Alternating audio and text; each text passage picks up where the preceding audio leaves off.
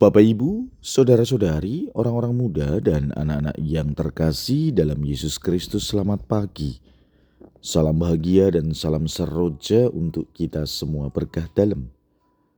Bersama dengan saya, Romantonius Garbito Pambuaji menyampaikan salam dan berkat Allah yang Maha Kuasa dalam nama Bapa dan Putra dan Roh Kudus. Amin. Hari ini Kamis 9 November dalam pesta pemberkatan gereja Basilik Lateran. Bacaan pertama dalam liturgi hari ini diambil dari Nubuat Yeskiel bab 47 ayat 1 sampai dengan 2, 8 sampai dengan 9 dan ayat 12. Bacaan kedua diambil dari surat pertama Rasul Paulus kepada jemaat di Korintus bab 3 ayat 9b sampai dengan 11 dilanjutkan 16 sampai dengan 17. Bacaan Injil diambil dari Injil Yohanes bab 2 ayat 13 sampai dengan 22. Ketika sudah dekat hari raya Paskah, orang Yahudi Yesus berangkat ke Yerusalem. Dalam bait suci didapatinya pedagang-pedagang lembu, kambing, domba, dan merpati, dan penukar-penukar uang duduk di situ. Maka Yesus membuat cambuk dari tali lalu mengusir mereka semua dari bait suci dengan semua kambing, domba, dan lembu mereka. Uang penukar-penukar dihamburkannya ke tanah, dan meja-meja mereka dibalikkannya. Kepada pedagang-pedagang merpati ia berkata, ambil semuanya ini dari sini, jangan kamu membuat rumah Bapakku menjadi tempat perjualan. Maka teringatlah murid-murid Yesus bahwa ada tertulis, Cinta untuk rumahmu menghanguskan aku. Tetapi orang-orang Yahudi menantang Yesus katanya, Tanda apakah dapat engkau tunjukkan kepada kami bahwa engkau berhak bertindak demikian? Jawab Yesus kepada mereka, Rombaklah bait Allah ini dan dalam tiga hari aku akan mendirikannya kembali. Lalu kata orang Yahudi kepadanya, Empat puluh enam tahun orang mendirikan bait Allah ini dan engkau dapat membangunnya dalam tiga hari. Tetapi yang dimaksudkannya dengan bait Allah ialah tubuhnya sendiri. Sesudah Yesus bangkit dari antara orang mati, barulah teringat oleh murid-muridnya bahwa hal itu telah dikatakannya. Maka percayalah mereka akan kitab suci dan akan perkataan yang telah diucapkan Yesus. Demikianlah sabda Tuhan, terpujilah Kristus. Saudara-saudari, hari ini gereja merayakan pesta pemberkatan gereja Basilik Lateran.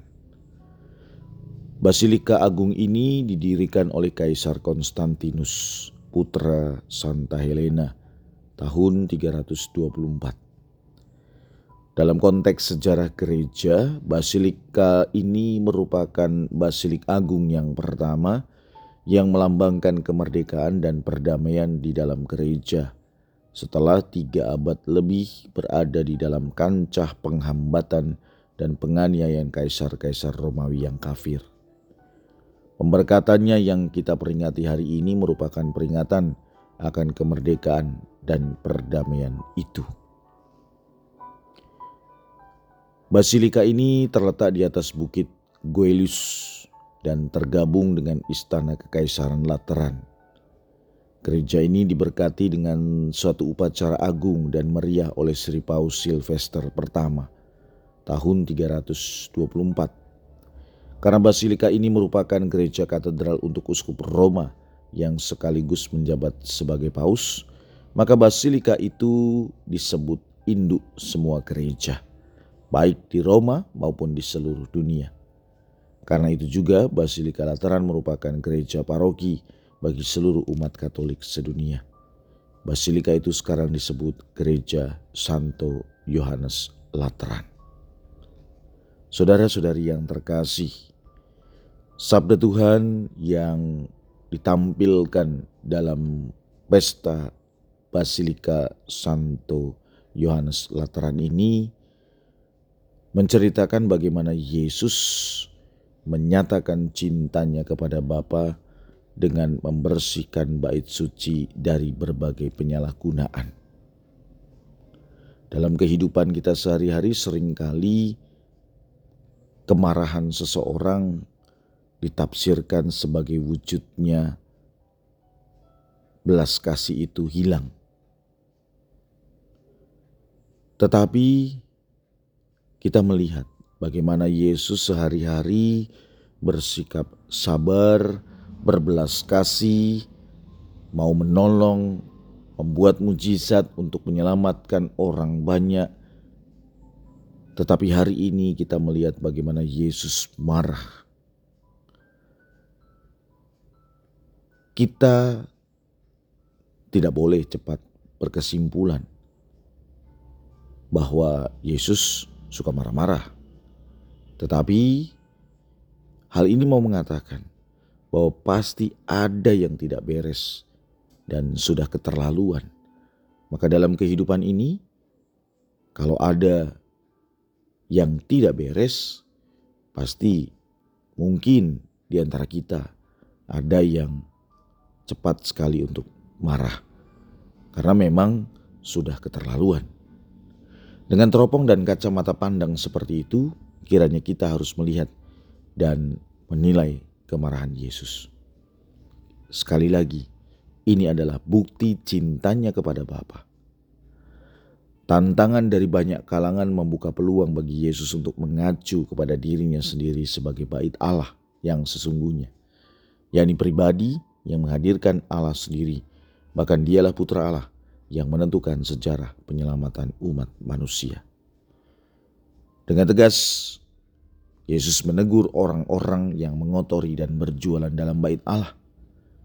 Bagi Yesus, bait Allah dibangun sebagai tempat perjumpaan antara Allah dan manusia.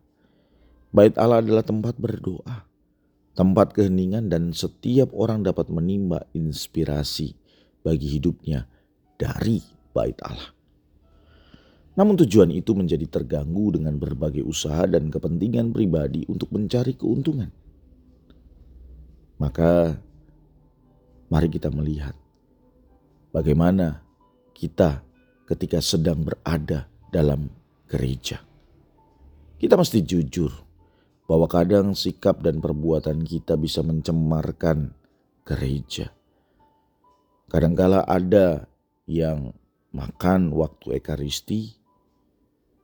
Kadang juga gereja menjadi pasar, tempat ngobrol, main HP, tidur, dan lain sebagainya.